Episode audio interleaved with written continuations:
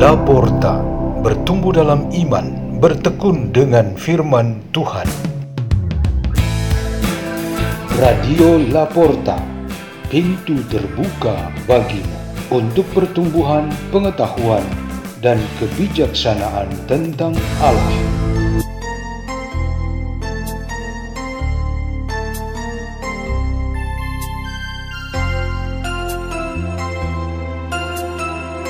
Bacaan dan Renungan Sabda Tuhan Hari Rabu Pekan kelima Masa Paskah 10 Mei 2023 Dibawakan oleh Dewi Velani dari Paroki Santo Albertus de Trapani Keuskupan Malang, Indonesia.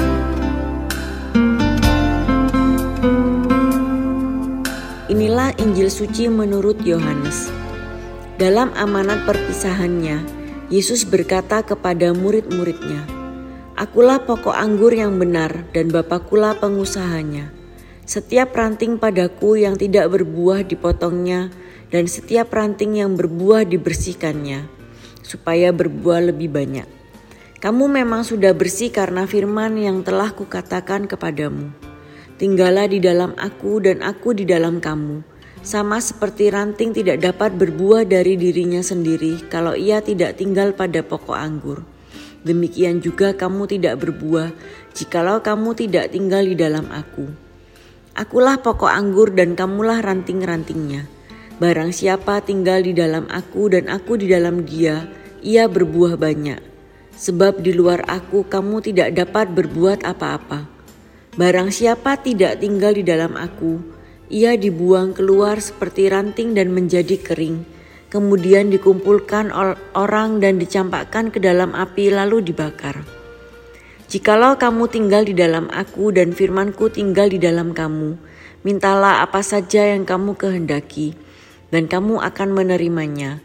Dalam hal inilah Bapakku dipermuliakan, yaitu jika kamu berbuah banyak, dan demiki, dengan demikian kamu adalah murid-muridku.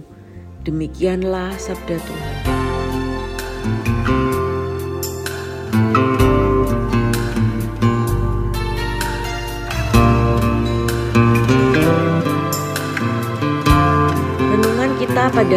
Ini bertema berbuah melimpah di dalam Yesus. Di dalam masa Paskah, selain tema tentang roti hidup dan gembala yang baik, ada juga yang sangat menarik ialah tentang pokok anggur. Tuhan Yesus menjelaskan identitas dirinya dengan aneka simbol dan salah satunya ialah pokok anggur. Intinya, Tuhan sendiri senantiasa menyatu dengan umatnya dan memenuhi setiap orang beriman dengan segala karunia-Nya kita sebagai umat Allah dapat melangsungkan hidup di dunia ini sesuai dengan rencananya. Simbol yang pas untuk mengajarkan hal ini ialah pokok anggur.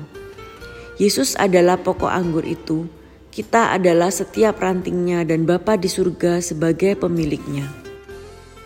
Bahwa di dalam gereja selalu ada perbedaan pemahaman iman, itu merupakan dinamika hidup ranting-ranting yang sering bergesekan karena terpaan angin dan timpahan air hujan. Perbedaan-perbedaan itu tidak mungkin merusak kehidupan karena pokok anggur, yaitu Yesus Kristus, hanyalah satu. Semua perbedaan pemahaman pasti akan menemukan solusi pada Yesus Kristus saja. Jadi, daripada fokus ke perbedaan-perbedaan, yang lebih utama ialah perhatian kepada buah-buah sebagai hasil kehidupan di dalam Yesus Kristus, yang pasti akan mempersatukan dan memajukan kita bersama. Buah-buah ini tentu sangat berguna bagi hidup iman kita. Buah pertama ialah kesucian dan evangelisasi. Kita sebagai pribadi dan umat Allah mengakui kalau kesucian itu ialah cita-cita kita. Kita ingin melihat sendiri bahwa kesucian dari Tuhan itu diterima juga oleh orang lain melalui kegiatan evangelisasi yang kita lakukan. Kedua ialah kemauan dan keberanian untuk memangkas bagian ranting yaitu pola hidup yang kering dan tak berguna dibuang dan dibakar.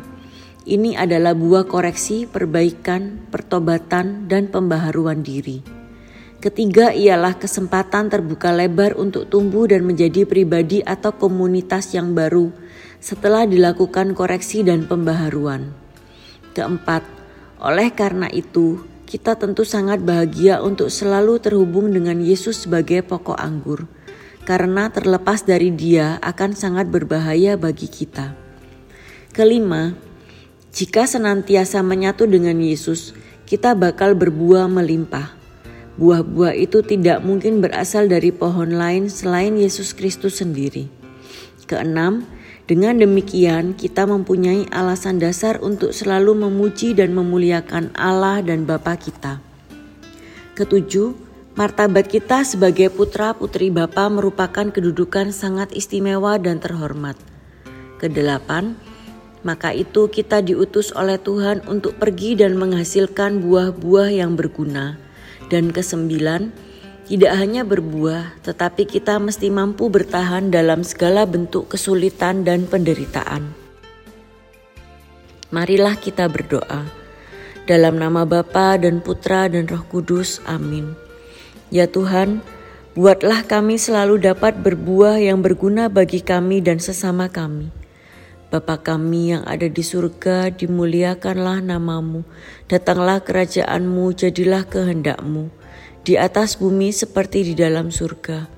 Berilah kami rejeki pada hari ini, dan ampunilah kesalahan kami seperti kami pun mengampuni yang bersalah kepada kami. Dan janganlah masukkan kami ke dalam pencobaan, tapi bebaskanlah kami dari yang jahat. Amin.